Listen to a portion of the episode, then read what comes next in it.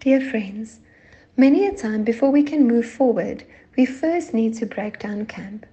We see in Joshua 3 how God clearly commands the Israelites to break down their camp before they can follow him on the new road that he was creating for them.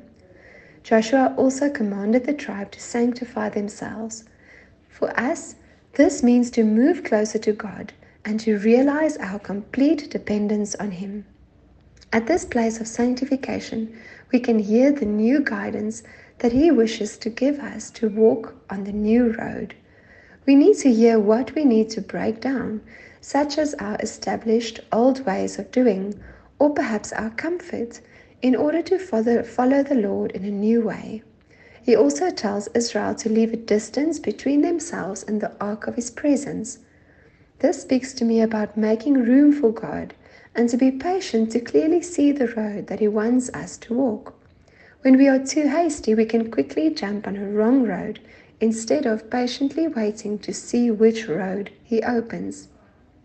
He asks for us to be intimate with Him and to empty ourselves so that He can lead us in a new way.